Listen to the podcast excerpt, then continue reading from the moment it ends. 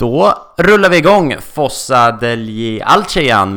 Varmt välkomna tillbaka till denna podd och jag säger hej Andreas nere i Lund. Ciao. Ciao. Eh, du, eh, idag ska vi spela in två avsnitt, det säger jag direkt. Eh, men ni kommer inte få två avsnitt, utan nu lyssnar ni på det första och sen om några dagar kommer nästa avsnitt. Kan man säga. Det är riktigt. Det, det var inte riktigt planen från början, men jag tror det blir väldigt bra så här.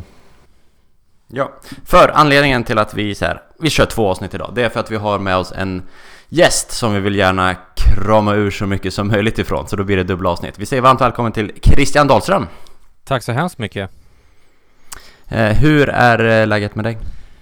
Jo, det är faktiskt eh, väldigt eh, bra just nu. Det har varit ett pissår, alltså det har det ju varit för alla, men och jag, liksom, det är inte så att jag har haft folk som har dött eh, omkring mig eller sådär men det har varit värdelöst ur ett arbetsperspektiv, eh, jäkligt jobbigt så. Men, men just nu så är det faktiskt eh, väldigt bra. Och det känns sjukt kul nästan som en liten dröm att vara med i Fossa del Alci. Och det är inte bara för att blow smoke utan jag har ju lyssnat på er sen alltså det måste nästan varit sen 2012 när ni startade så att ja, det, det, måste vara en av era trognaste lyssnare. Det, det, det är så här är stort Andreas. Ja, jättekul att höra. Att få dem. Du Christian, för de som inte vet vem du är, eh, så har jag fastnat på två grejer egentligen. Du ska få göra en lite mer grundlig presentation. Men två grejer tar jag.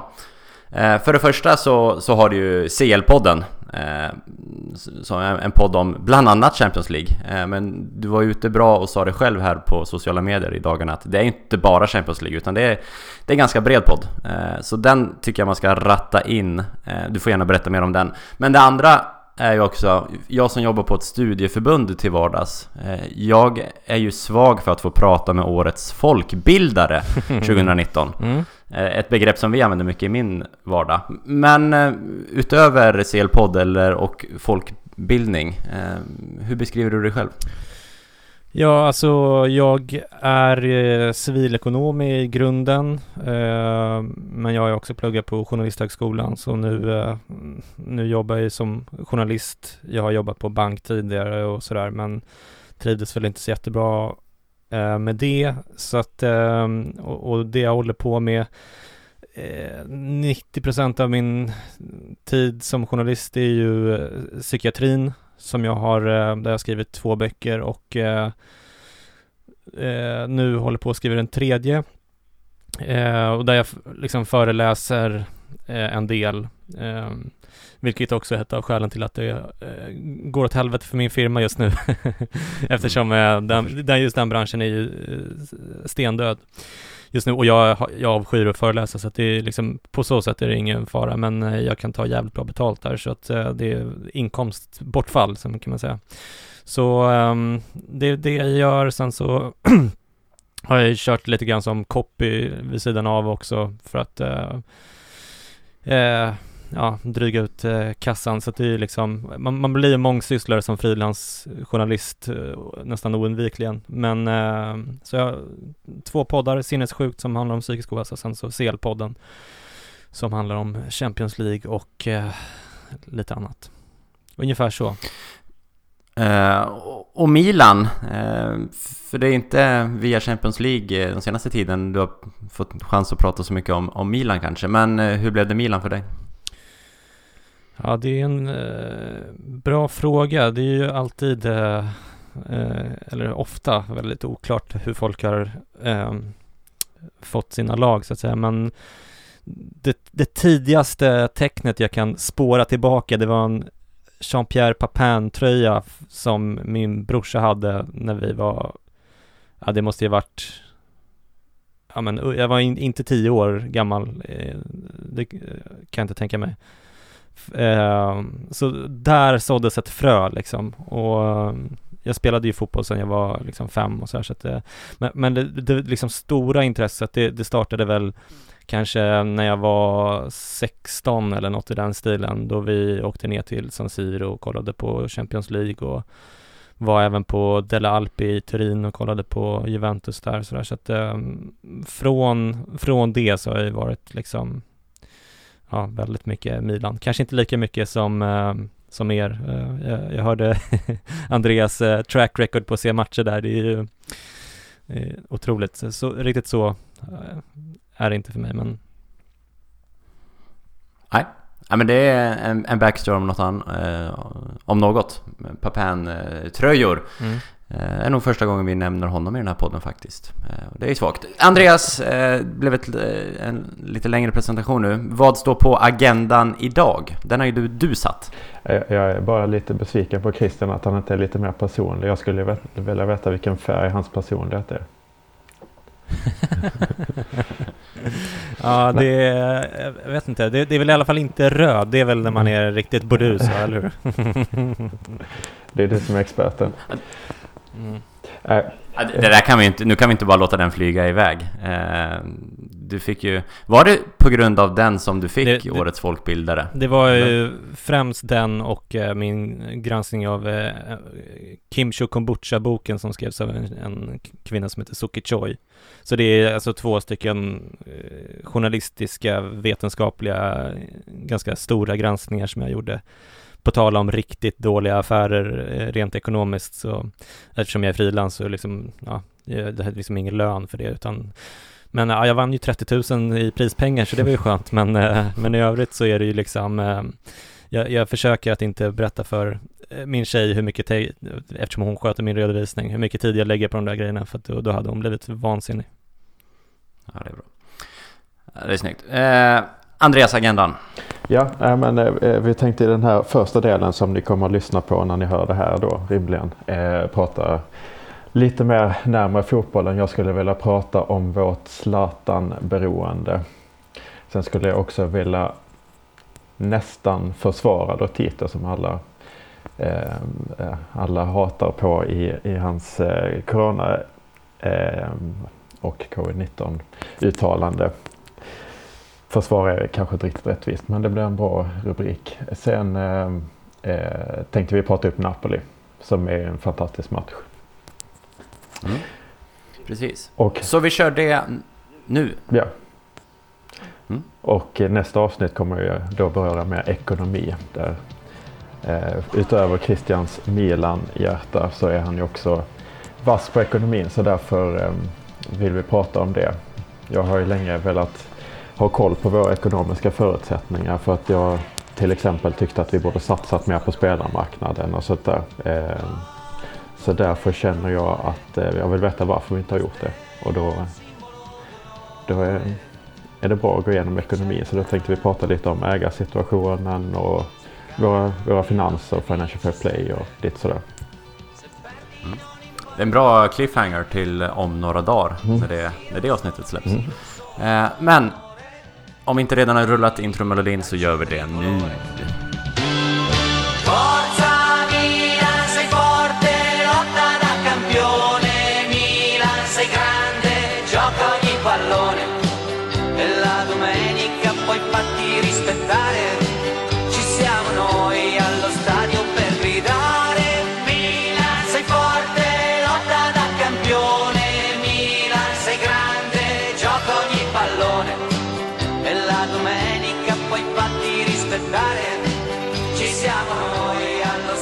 Under de här månadsavsnitten har vi sagt att möjligheten att swisha oss finns eh, ifall man uppskattat vårt arbete över de här åren som vi hållit på med Fossa Deli Alci. Eh, och det har ju skett flera gånger om. Det är vi superduper tacksamma för. Och löftet har ju varit en ny mikrofon till Andreas och ni som kan ert ljud kanske hör att det är fortsatt ungefär likadant ljud från Lund.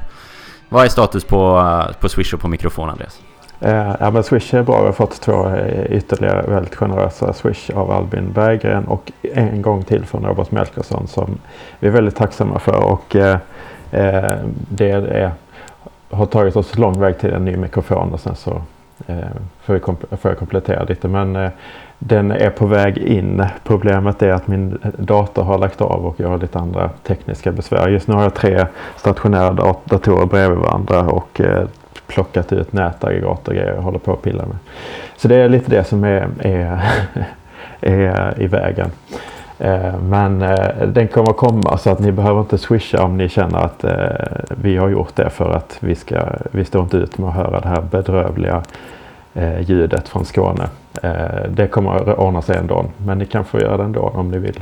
Vi är tacksamma såklart för, för det vi har fått men vill ni fortsatt skicka så kan ni göra det. Och då gör man det på, numret finns såklart i poddbeskrivningen men om man inte orkar kolla poddbeskrivningen utan sitter med Swish i handen, vad är det för nummer? Då är det 0733911016. Det är bra. Eh, ni får reprisera det eller gå in i podd, eh, ja, beskrivningen på podden så hör ni numret. Så, har vi lagt formalian eh, bakom oss nu Andreas? Mm. Gå in på innehåll. Första rubriken Ibra Dipidente eh, Beroende av Zlatan Ibra Dipidente, det är en, en rubrik som har figurerat i italiensk media och kring Milan ganska länge under flera perioder och under många olika år. Eh, jag tänker krast översättning Andreas, att, att Milan är beroende av eh, den långa svensken. Intressant. Eh, absolut, absolut. Och det är inte riktigt det jag motsätter eh, mig emot men det finns olika, olika eh, hälso... det finns ett hälsosamt beroende och ett ohälsosamt beroende. Det är väl mer det jag invänder mig på. Eh, alltså jag har varit jag var kritisk till Zlatan jämfört med många andra i, under förra säsongen och är inte det nu. Så det kan jag utveckla först. Jag, tycker, jag har Tyckte att han fått eh, för mycket beröm eh, för hans prestationer på plan förra säsongen. Eh, men tycker under säsongsinledningen nu att det är helt annorlunda. Inte bara målproduktionen som är exceptionell utan framförallt kanske spelet runt omkring.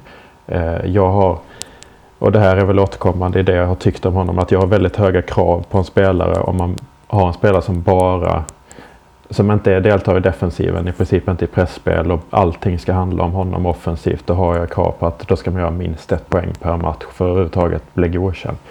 Eh, det är det man är på planen för. så. Eh, men nu har han ju dessutom överstigit en poäng per match. Han är ju eh, otrolig. Men han är också mycket mer involverad i spelet än vad han var tidigare. Han är en jättebra uppspelspunkt som, som är en nyckel för oss. Han är mycket mer i boxen nu fram och, och, och strax utanför eh, istället för att vandra ner på planen lika mycket. Han är mer involverad i pressspelet. Han känns fysiskt mycket bättre än förra säsongen. Det känns som att liksom tror på spelet tycker jag och accepterar sin roll. Och, eh, ja, alla löper runt honom för att skapa chanser och så. Ja, jag tycker att det finns flera faktorer som gör att det är bättre den här säsongen. Eh, också kanaliserat energin eh, bättre. Eh, kanske lite svagare nu när det har gått mot så har det varit lite, eh, lite negativ energi kanske men mycket bättre än förra säsongen nu. Hur, hur ser du på svenskens plats i, i det här Milan, Christian? Är det en, en positivt eller negativt beroendeskap? Ja, det är naturligtvis eh, både och, men jag har väl varit eh, väldigt positiv eh, redan från början. Vi diskuterade det lite grann på Twitter, du och jag Andreas.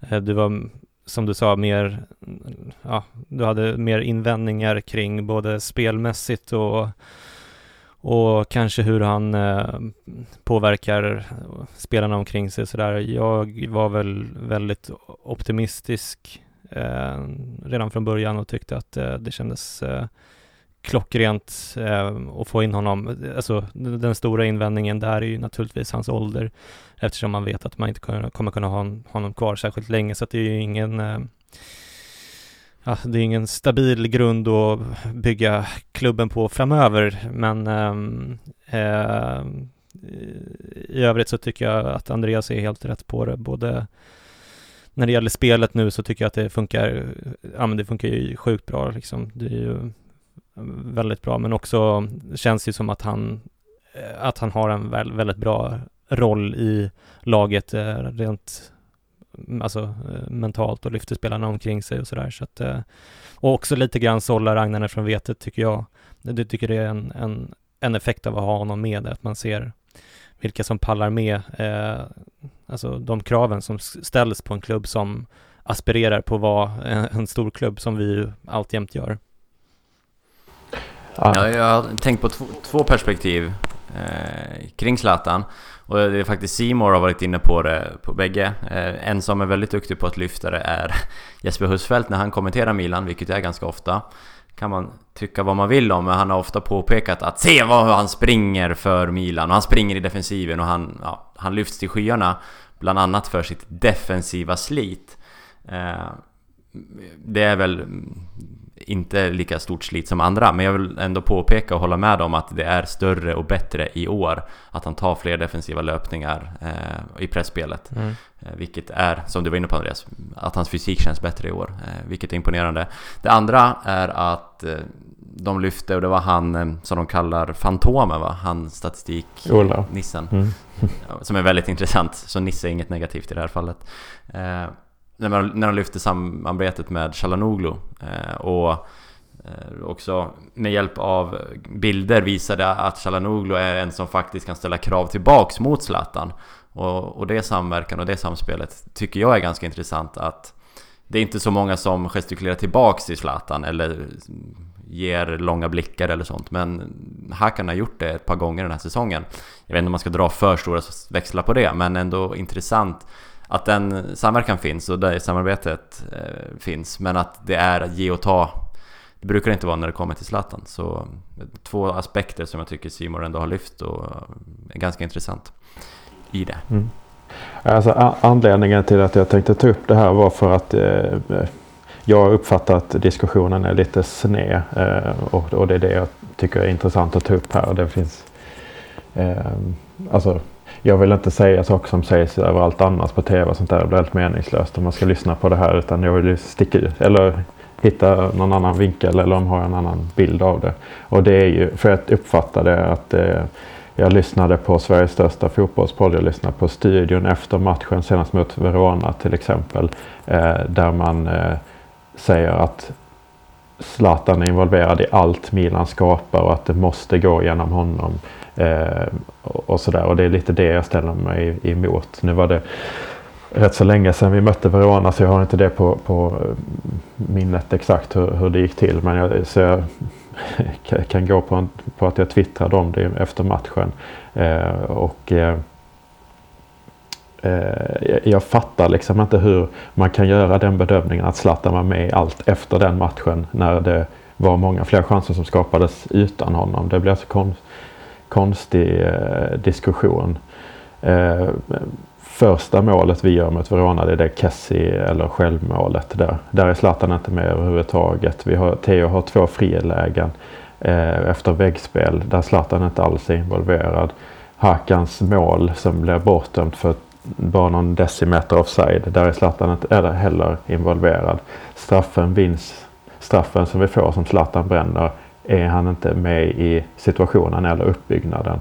Eh, sen gör ju Zlatan mål eh, och eh, har en, en, en i ribban. Eh, och, och ytterligare något läge när han nickar ner bollen med handen så att Calabrias mål blir bortdömt. Eh, så. Men, det men, men var inte han väldigt, eller som jag minns det, en av hans sämsta matcher i ja. år mot Verona? Han verkar ju väldigt trött Ja, det sa han väl själv också att ja. han var väldigt... Eh, det här med landslagsuppehållet kom extremt lägligt för honom. Ja, ja verkligen. Eh, och det känns ju bra. Men, så det är därför jag, jag stör mig på när diskussionen blir så. För att vi skapar väldigt mycket utan honom också. Det här är absolut ingen kritik mot Zlatan så. Utan det är mer att eh, hylla laget eller hylla den rollen han har i laget. Att allting måste verkligen inte gå genom honom. Men han är såklart oerhört central för vårt spel. Eh, så. Ehm, det finns, eh, det, det, det, finns liksom ett hälsosamt sätt att vara beroende av honom. För att vi är fortfarande beroende av honom. Mycket på grund av mitt tjat att vi har ingen, inget alternativ. Vi borde ha en anfallare som, som kan avlasta. Men, men också för att han är helt eh, exceptionell på flera grejer. Men vi använder den, hans exceptionella sidor Eh, det är en sak att utnyttja honom, hans fysik och, och hela den biten. Att alla springer runt omkring honom gör honom bättre. Eh, det är väl också en stor del till att han trivs, att han hade inte sett lika bra ut i många andra lag. Eh, om man inte hade byggt så mycket kring hans styrkor och kompenserat för hans, hans brister som han har, att han inte orkar springa lika mycket och så vidare. Det är en sak. En annan sak hade varit att vara beroende av honom på det sättet att man söker honom hela tiden i alla lägen så att han ska avgöra, han ska göra allting. Han, ska göra det han är bäst på och det ser inte jag som ett svaghet för vårt lag utan vi utnyttjar våra bästa spelare på, på det bästa möjliga sätt. Hur tycker du Christian det här att egentligen det du säger Andreas, att man alltid söker honom. För det har vi ju sett i perioder i Milan i alla fall att så fort vi närmar oss straffområdet så lägger man den mot honom. Eh, min upplevelse, ledande fråga kanske, men att man kommer, kommer bort lite ifrån det. Att eh, det inte alltid tittas på Zlatan primärt. Mm. Nej men jag, jag, kan inte annat än hålla med er båda där. Alltså det är ju det är klart att i liksom pressade lägen när man lägger en lång boll på honom som uppspelspunkt så, men jag menar det är ju, det är ju den rollen en person med den alltså i det spelsystemet vi har, ska ha. Det hade ju inte spelat någon roll om det var Jacko eller någon annan som fick göra det, utan det, det är naturligt liksom som en del av, av hur systemet ser ut och sådär. Så att eh, i övrigt så håller jag med. Jag tycker inte alls, alltså till exempel om man jämför med hur det var i landslaget ett tag när man liksom spelarna omkring honom såg liksom ut som dagisbarn och som liksom bara, han vet inte vad de ska göra med bollen utan ger den bara till honom och hoppas på det bästa ungefär. Alltså om, om vi överdriver lite grann liksom. Det, det är inte alls känslan i Milan, i alla fall inte alls i samma utsträckning. Däremot så kan jag lite grann så oroa mig för eh, någon slags eh, lex Nocerino kring de spelarna som presterar bra sen Zlatan kom. Och eh, just nu finns det också en annan aspekt i, i det hela med, med corona, att vi inte har någon publik på San Siro. Och jag tror ju att eh, en del spelare eh, som presterar bra nu, de gör det kanske lite grann också eftersom man inte behöver det. För med, det måste vara extremt eh, påfrestande psykiskt och liksom, det krävs en väldigt psykiskt stark person för att spela på San Siro, även om San Siro inte är fullsatt numera så, så är det ju liksom, eh, eh ja, det är, det är en skräckinjagande eh, plats att vara på. Eh, så att jag tycker, jag, jag vet att ni är till exempel väldigt positiva till Hakan och eh, jag är ju också, tycker också att han är jättebra och, och tycker att han har varit eh, super den här säsongen och framförallt kanske sen Zlatan kom. Men eh, ja, alltså det, det, är en sån spelare som jag i alla fall tycker att man kan misstänka att eh, jag är inte säker på att vi ska ge honom ett superkontrakt nu och sen se honom spela eh, inför publik utan Zlatan framöver, då är jag inte alls säker på att det kommer vara samma sak där. Jag har gärna fel naturligtvis, men eh, jag menar, eh, alltså det, det, är lätt att glömma hur, hur eh, hit and miss han har varit eh, de tidigare säsongerna. Nu när han spelar bra så, så kanske man glömmer det, men redan förra säsongen, eller förrförra då, så hade han ju liksom, jag, eh, jag tror det var fem mål och sju assist och sånt där, och han spelar ju mer eller mindre anfallare. Det är inte alls bra stats och det var ändå typ hans näst bästa säsong i Milan om jag minns rätt nu när jag kollade statsen så att eh, eh som ett exempel. Sen så tycker jag att det finns eh, många spelare som jag tror kommer klara sig utan Zlatan också. Typ Theo Hernandez känns ju som en mentalt stark person. Benazer, Kessi har ju, tycker jag, varit det är klart att han har varit bättre nu, men jag tycker att han har varit eh, bra egentligen eh, alla sina säsonger i Milan. Eh, liksom ganska hög lägstanivå i alla fall. Um, och sen finns det ja, en del andra spelare som jag också tror kommer klara sig, men vissa som jag inte tror kommer klara lika bra. Vad, vad, vad tror ni? Eh, jag, jag, kan säga det först, det du sa om Zlatan som uppspelspunkt. Bara så för det sagt är att det är helt rätt att han är jätteviktig där. Men återigen, det jag menar är att vi, vi söker inte bara honom som alternativ. Nej, där, nej, nej. Vi har många fler alternativa spelare utan det är en lösning och det är Mm. Eh, det, det är klart. Har man den så är det klart att man kan använda den. Men, eh, men det finns andra sätt att spela också. Men eh, angående Hakan så är jag ju det är framförallt jag som har försvarat honom. Det är inte så mycket i den här podden för att vi började efter han blev lite bra. Men, men i vår chatt med, med mig och, och David och Kerim så har jag ju försvarat honom sen han kom i princip. Eller sen hans andra säsong. För jag tyckte att hans första säsong, våren där, var jättebra. Sen har han haft liksom, perioder där han har varit bra. Det är därför jag har lite stått på mig. Och det var mycket en, en eh, beef där, där jag försvarar Hakan och David och, och Kerim försvarar Suso. Eh, där jag inte tyckte att Suso han gjorde några poäng men han tillförde inte så mycket till laget och han begränsade vårt spel oerhört mycket och sådär. Eh, eh där jag ser Hack alltså mycket mer rörlig, användbar och, och eh, sen, sen, gillar jag ju honom. Jag gillar ju den typen av spelare som har lite svagt psyke som hade kunnat ha väldigt eh, jag vill säga Xavi Pastor eller eh, någon sån som har väldigt mycket teknik i sig men som begränsas av att man inte är kanske den mentalt starkaste. Och det har, jag förknippar ju hans eh, formsvackor väldigt mycket till eh, att det har gått lite motigt utanför planen till exempel och sånt där. Eh, han har sagt flera gånger att han inte är en robot. Fotbollsspelare är inga robotar utan vi, är, vi, det behöver funka utanpå plan och sådär. Och jag tror att det är väldigt mycket så i hans fall att han inte är en robot. Eh, och eh, han har ju haft problem med sin, eh, sin fru och, och hund. Eh, så att eh, det har ju... Jag skrattar, jag, förlåt att jag skrattar. Det är, klart att, det är klart att det betyder också. Ja. Hunden också, ja. såklart. Jag tar, jag tar tillbaka det. Men, eh, så, så, jag tror mycket på det. Och sen har han ju varit väldigt bra i perioder. Och det är ju det som, som du säger att det är perioder där han har varit väldigt dålig också.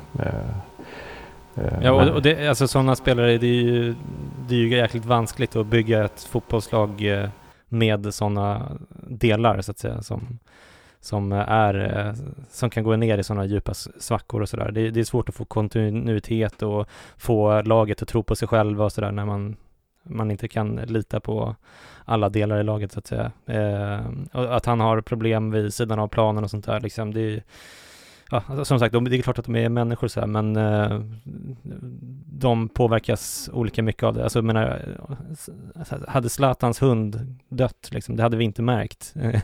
Eh, jag minns bara för någon månad sedan så hade Kimmich eh, fått en dotter och han spelade match, eh, jag tror ett dygn efteråt eller något sånt där och var skitbra liksom.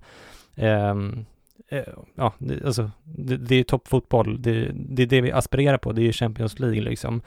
Och ehm, Eh, alltså, då, då, då, då, kan man nog tyvärr inte kosta på sig och, och ha spelare som inte är robotar då om man ska, om man ska använda hans liknelse där. Milan har ju en robot i truppen. Eh, det vet vi. Han väntar starta på vänsteryttern eh, här på söndag. Imorgon mot Napoli. Ante Rebic är en robot. Det har vi sett eh, under hela hans Milan-sejour här egentligen. Att det, han är inte gjord av kött och blod. Det är metall och ettor och nollor. Eh, sen bara för att kort kommentera det så, så, är det ju intressant nu när Hakan är i kontraktsförhandlingar och det kommer ju ut hisnande summor som det sägs att han och hans agent har, har krävt i de förhandlingarna. Eh, så det, det är en intressant aspekt du lyfter Christian och eh, jag har ju tagit till mig Hakan mer och mer. Eh, jag är inte lika säker på att det är just Zlatan, att han är beroende av Zlatan på, på så. Men publikaspekten har jag varit orolig för och jag, jag tror att det är en stor del till att Milan går så bra som man går. Att det är på grund av avsaknaden av publik, att Milan har gynnats av det. Eh, Milans unga trupp har gynnats av det. Eh, men mm, det ska bli intressant att se vad Hakans, eh, om de kan mötas på mitten eller om mm. han lämnar vi, vi, för... Vi kanske kan ta det mer i ekonomidelen, för det, ja, där är jag väldigt, mm. just kring lönerna, så väldigt mycket mm. eh, tankar. Milan, Milan, Milan, Ja, Lotito var ju ute i media, det var, kan det vara en och en halv vecka sedan någonting nu? Eh, grundar sig väl sig egentligen i att Lazio har haft ett lite stormigt kring coronahanteringen. Man spelade i, i Serie A mot Torino var det väl eh, med vissa spelare. Sen åkte man till Europa och då fick man inte spela med samma spelare för att de ansågs sjuka i Europa men inte i Italien. Ja, doktor Andreas, på med läkarrocken, hjälp oss att reda ut detta. Det har jag lite bekymmer om hur, hur eh, detaljerat jag ska förklara det här. Men vi, vi ser. Alltså det Lotito har sagt är, är i stora drag och det som alla har gjort sig lustiga över med delvis rätta, men han har en poäng, är att han har sagt att eh, eh positiva eh, covid-resultat visar att man är positiv. Eller hur? Det finns bakterier även i, i alla kvinnors vaginer. Det betyder inte att de är smittsamma. Eh, så det är hans uttal som många har gjort sig lustiga över. Eh, och det finns väl skäl till det. Eh, det finns väldigt stor skillnad på bakterier och virus för det första och eh, han kanske inte hade behövt att välja just den anatomiska lokalisationen för, för att hänvisa till bakterier. De finns ju liksom överallt. Eh, men eh, det kanske inte hade varit lutigt om han hade eh, tagit något annat exempel så här, det är väldigt korkat för att bakterier och virus är helt olika saker. Bakterier, vi människor består av fler bakterier än egna kroppsceller. Det är helt sjukt.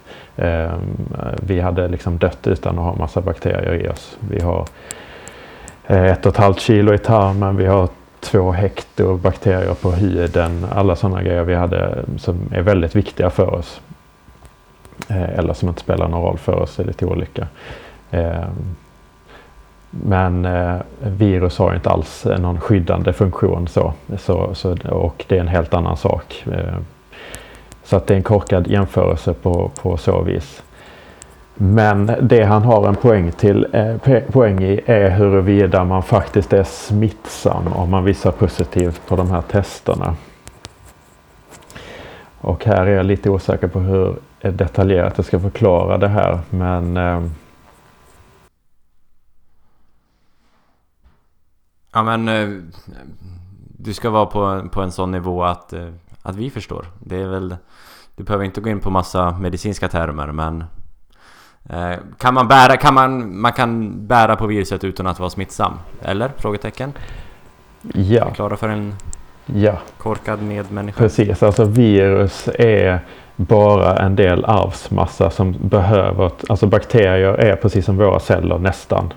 Så de lever av sig själva, så de kan ju växa precis som svamp, alltså jag menar gästsvamp eller mögelsvamp kan ju växa på vår ost i kylen till exempel. Om de har näring kan de ju växa av sig själv. Virus behöver ta sig in i vår, våra celler för att eh, skapa nya virus. Det är inga levande saker för de kan inte leva för sig själv. Det är, helt an, det är en helt annan sak, de är jättemycket mindre och sådär. Men det som är relevant är att då tar de sig in i våra celler och så, så tvingar de våra celler att producera nya virus.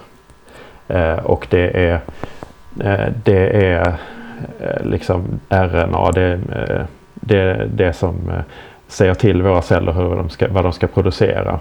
Det är det viruset är. Så de säger till våra celler att producera virus. Men det man har sett med det här viruset som är fullständigt unikt, en av många saker som är fullständigt unikt med det här viruset är att eh, det kanske håller på sig en vecka. Att det börjar producera Eh, smittsamt virus. Det tvingar våra celler att producera smittsamt virus. Men sen slutar det med det, men det fortsätter att producera den här arvsmassan som heter mRNA. Eh, vilket inte har någon effekt överhuvudtaget. Det kan inte leda till att viruset smittar. Men det är den arvsmassa som man testar efter med de här PCR-testerna. De här som man, som är, en jätte, det är ett jättebra test som man, som man tar de här i, i, kollar i svalget. Och konsekvensen som det då får är att man kan visa positivt i tre månader. Man kan ha viruset i tre månader men man, man behöver inte ha symptom, det vet vi. Men man behöver inte ens vara smittsam. Och det, får, det kan få väldigt stora konsekvenser för att eh, spelare kan vara borta i tre månader. Eh, Sen kan man inte göra så mycket åt det här. Eh, det, eller jag kan inte se. Man skulle kunna undersöka teoretiskt om man faktiskt är smittsam men det går inte att genomföra i praktiken. Det är alldeles för, för resurskrävande för att man skulle göra det på fotbollsspelare. Liksom. Men, eh, men eh, han har rätt i den bemärkelsen att bara för man visar positivt på de här testerna så betyder inte det att man är smittsam. Man skulle egentligen kunna spela även om man visar positivt på de här testerna men det går inte att veta om man faktiskt är smittsam. Så, så egentligen har han ju ingen poäng. Han har en poäng för att det är, men det går inte att lösa riktigt. Men poängen Han blir... har teoretisk poäng men i praktiken så spelar det ju ingen roll. Nej, men det är, det är ändå en intressant fråga att ställa. För det är lite det här jag har varit inne på. Hur stora konsekvenser det kan få. För, men jag har inte riktigt förklarat varför. Eller det, det tar så lång tid att förklara varför. Är att man behöver inte ens vara sjuk. Alltså det, det är helt... Det går inte att säga att ja, men den här, alltså Zlatan kommer att pignat eller bli negativ väldigt snabbt. För det har ingen betydelse. Det visar inte ens att han är, det visar inte ens att han är sjuk. Det visar inte ens att han Alltså han kan fortfarande ha viruset och ändå inte att det smittar. Alltså det finns ingen poäng med någonting av det här men ändå visar man positivt på testerna. Vilket gör att, eh, att spelare eh, kan vara borta väldigt länge. Eh, för att man tar tester. Och det gör man ju inte i normala samhället. Eh, så då får det inte konsekvenser.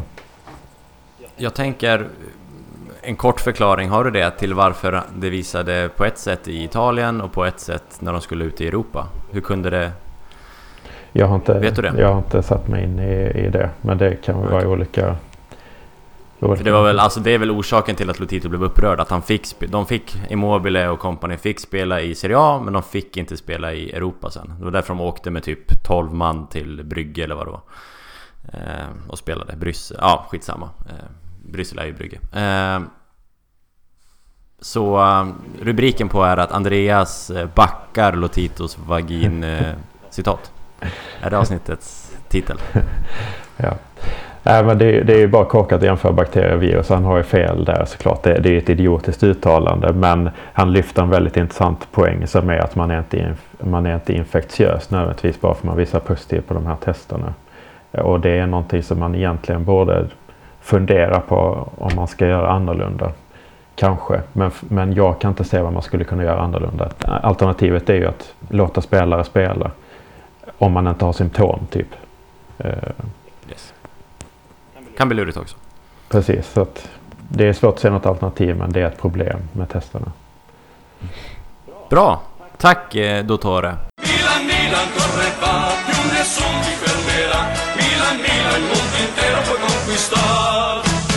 Hörni, Christian. Milan-Napoli 2045. En söndagkväll. Det smakar väl mumma? Serieleda Milan. Oh ja, ja men det är eh, den typen av matcher som man även om man har små barn eh, tittar på i regel eftersom de är, de är värda att försvara inför sambon och eh, de går dessutom eh, sent på kvällen så att eh, ungen ligger och sover så att eh, den kommer jag se. Vad har du för, eh, för relation till, eh, till matcher mot Napoli? Är det något, väcker det något speciellt minne eller någon speciell match du tänker på? Eller hur är, hur är synen på Napoli? Jo, men eh, det, jag har varit och kollat på Milan-Napoli på San Siro och min tjej var med så att hon, till och med hon har sett Milan-Napoli live. Så det är väl det starkaste minnet när det gäller Napoli för min del och det var i, jag tror att det var i februari. Så det var liksom, och det var så här köldrekord i i Milano. Och Tibern hade frusit, vilket den aldrig gör och sådär, men de spelade den matchen, det var, och det var liksom på tapeten att den skulle eh, skjutas upp eller så, men de la den tidigare istället på dagen. Jag tror det skulle varit en k- alltså 18.00 eller 20.45 match eller något i den stilen och så spelade de den mitt på dagen för att det klara kylan helt enkelt och um, Zlatan blev utvisad och ja, sådär och jag minns att eh, Var, det- var det den boxen? Runt eh, Ja, det, just det. runt Aronica? Ja men det, det kan nog stämma och nej, det, var, det var speciellt. Jag minns att det var liksom eh, Napoli-supporterna fick ju gå längst liksom eh, de var ju liksom inburade, eller man ska säga utanför arenan så att de skulle skiljas åt och så kastade Milan-supportrar snöbollar på dem och sådär så att eh, det var, det var speciellt men det var absolut inte något något kurr eller så men eh, det var ju, ja det Var ett var, snöbollskrig? Klassiskt snöbollskrig? mm. Ja. Eh, det lär vi inte få se imorgon, men eh, vi får se eh, Serie A igen efter ett landslagsuppehåll. Jag gjorde en snabb kik på, på status i våra trupper. Det, det är ju så jäkla mycket matcher nu. By the way så spelar i princip topplagen nu i Italien match var tredje dag fram till julafton, vilket är galet. Men Milan kommer ju med en i princip helt skadefri trupp. Det är bara Rafa Leao som är borta som har dragit på sig en, en bristning i baksidan eh, här under U21 Portugal landslagsspelet. Men annars ser det ut som att Milan kommer med en helt frisk trupp, eh, vilket jag inte vet när det hände senast. Musacchio ska vara tillbaks. Eh, Romagnoli ska ha skakat av sig sina krämpor, han har spelat med här i slutet. Så Ja, det ser ju väldigt positivt ut och, och Gabi är ju tillbaks i träning och så också. Så helt plötsligt Andreas, har vi fyra mittbackar igen? Det var på tiden. Det var... Eh, jag tror att det var eh, sen eh, någon gång i februari som vi hade fyra mittbackar senast. Och då, eh, då argumenterar jag för, vilket jag förmodligen har fått rätt för, att vi, vi hade ju inte det utan Masaccio var egentligen skadad. Så att det har nog gått väldigt mycket längre bak i tiden. Det är säkert ett år vi inte har haft fyra mittbackar så det känns ju bra. Jag jinxar ju lite där, eller jin- jinxar det är fel ord. Jag, jag ljuger ju när jag säger att Milan kommer med en, en skadefri och sjukdomsfri trupp. Milan har ju coach Pioli och assisterande tränare med coronan. Och nu till test, utan att ni får googla. Vet ni vad våran assisterande heter? Som också har coviden. Ingen aning. Nej. Jag nej. Men ni vet vem det är? Han, som- ser han som ser likadan ut. Som, eh, ja, Mm. precis. Nej, jag visste inte heller vad han hette. Så, men jag har ju googlat inför. Han heter Giacomo Morelli. Mm. Ehm, Men han är också sjuk. Så vem som ersätter, det har ni koll på, gissar jag, på bänken. Daniele Banera.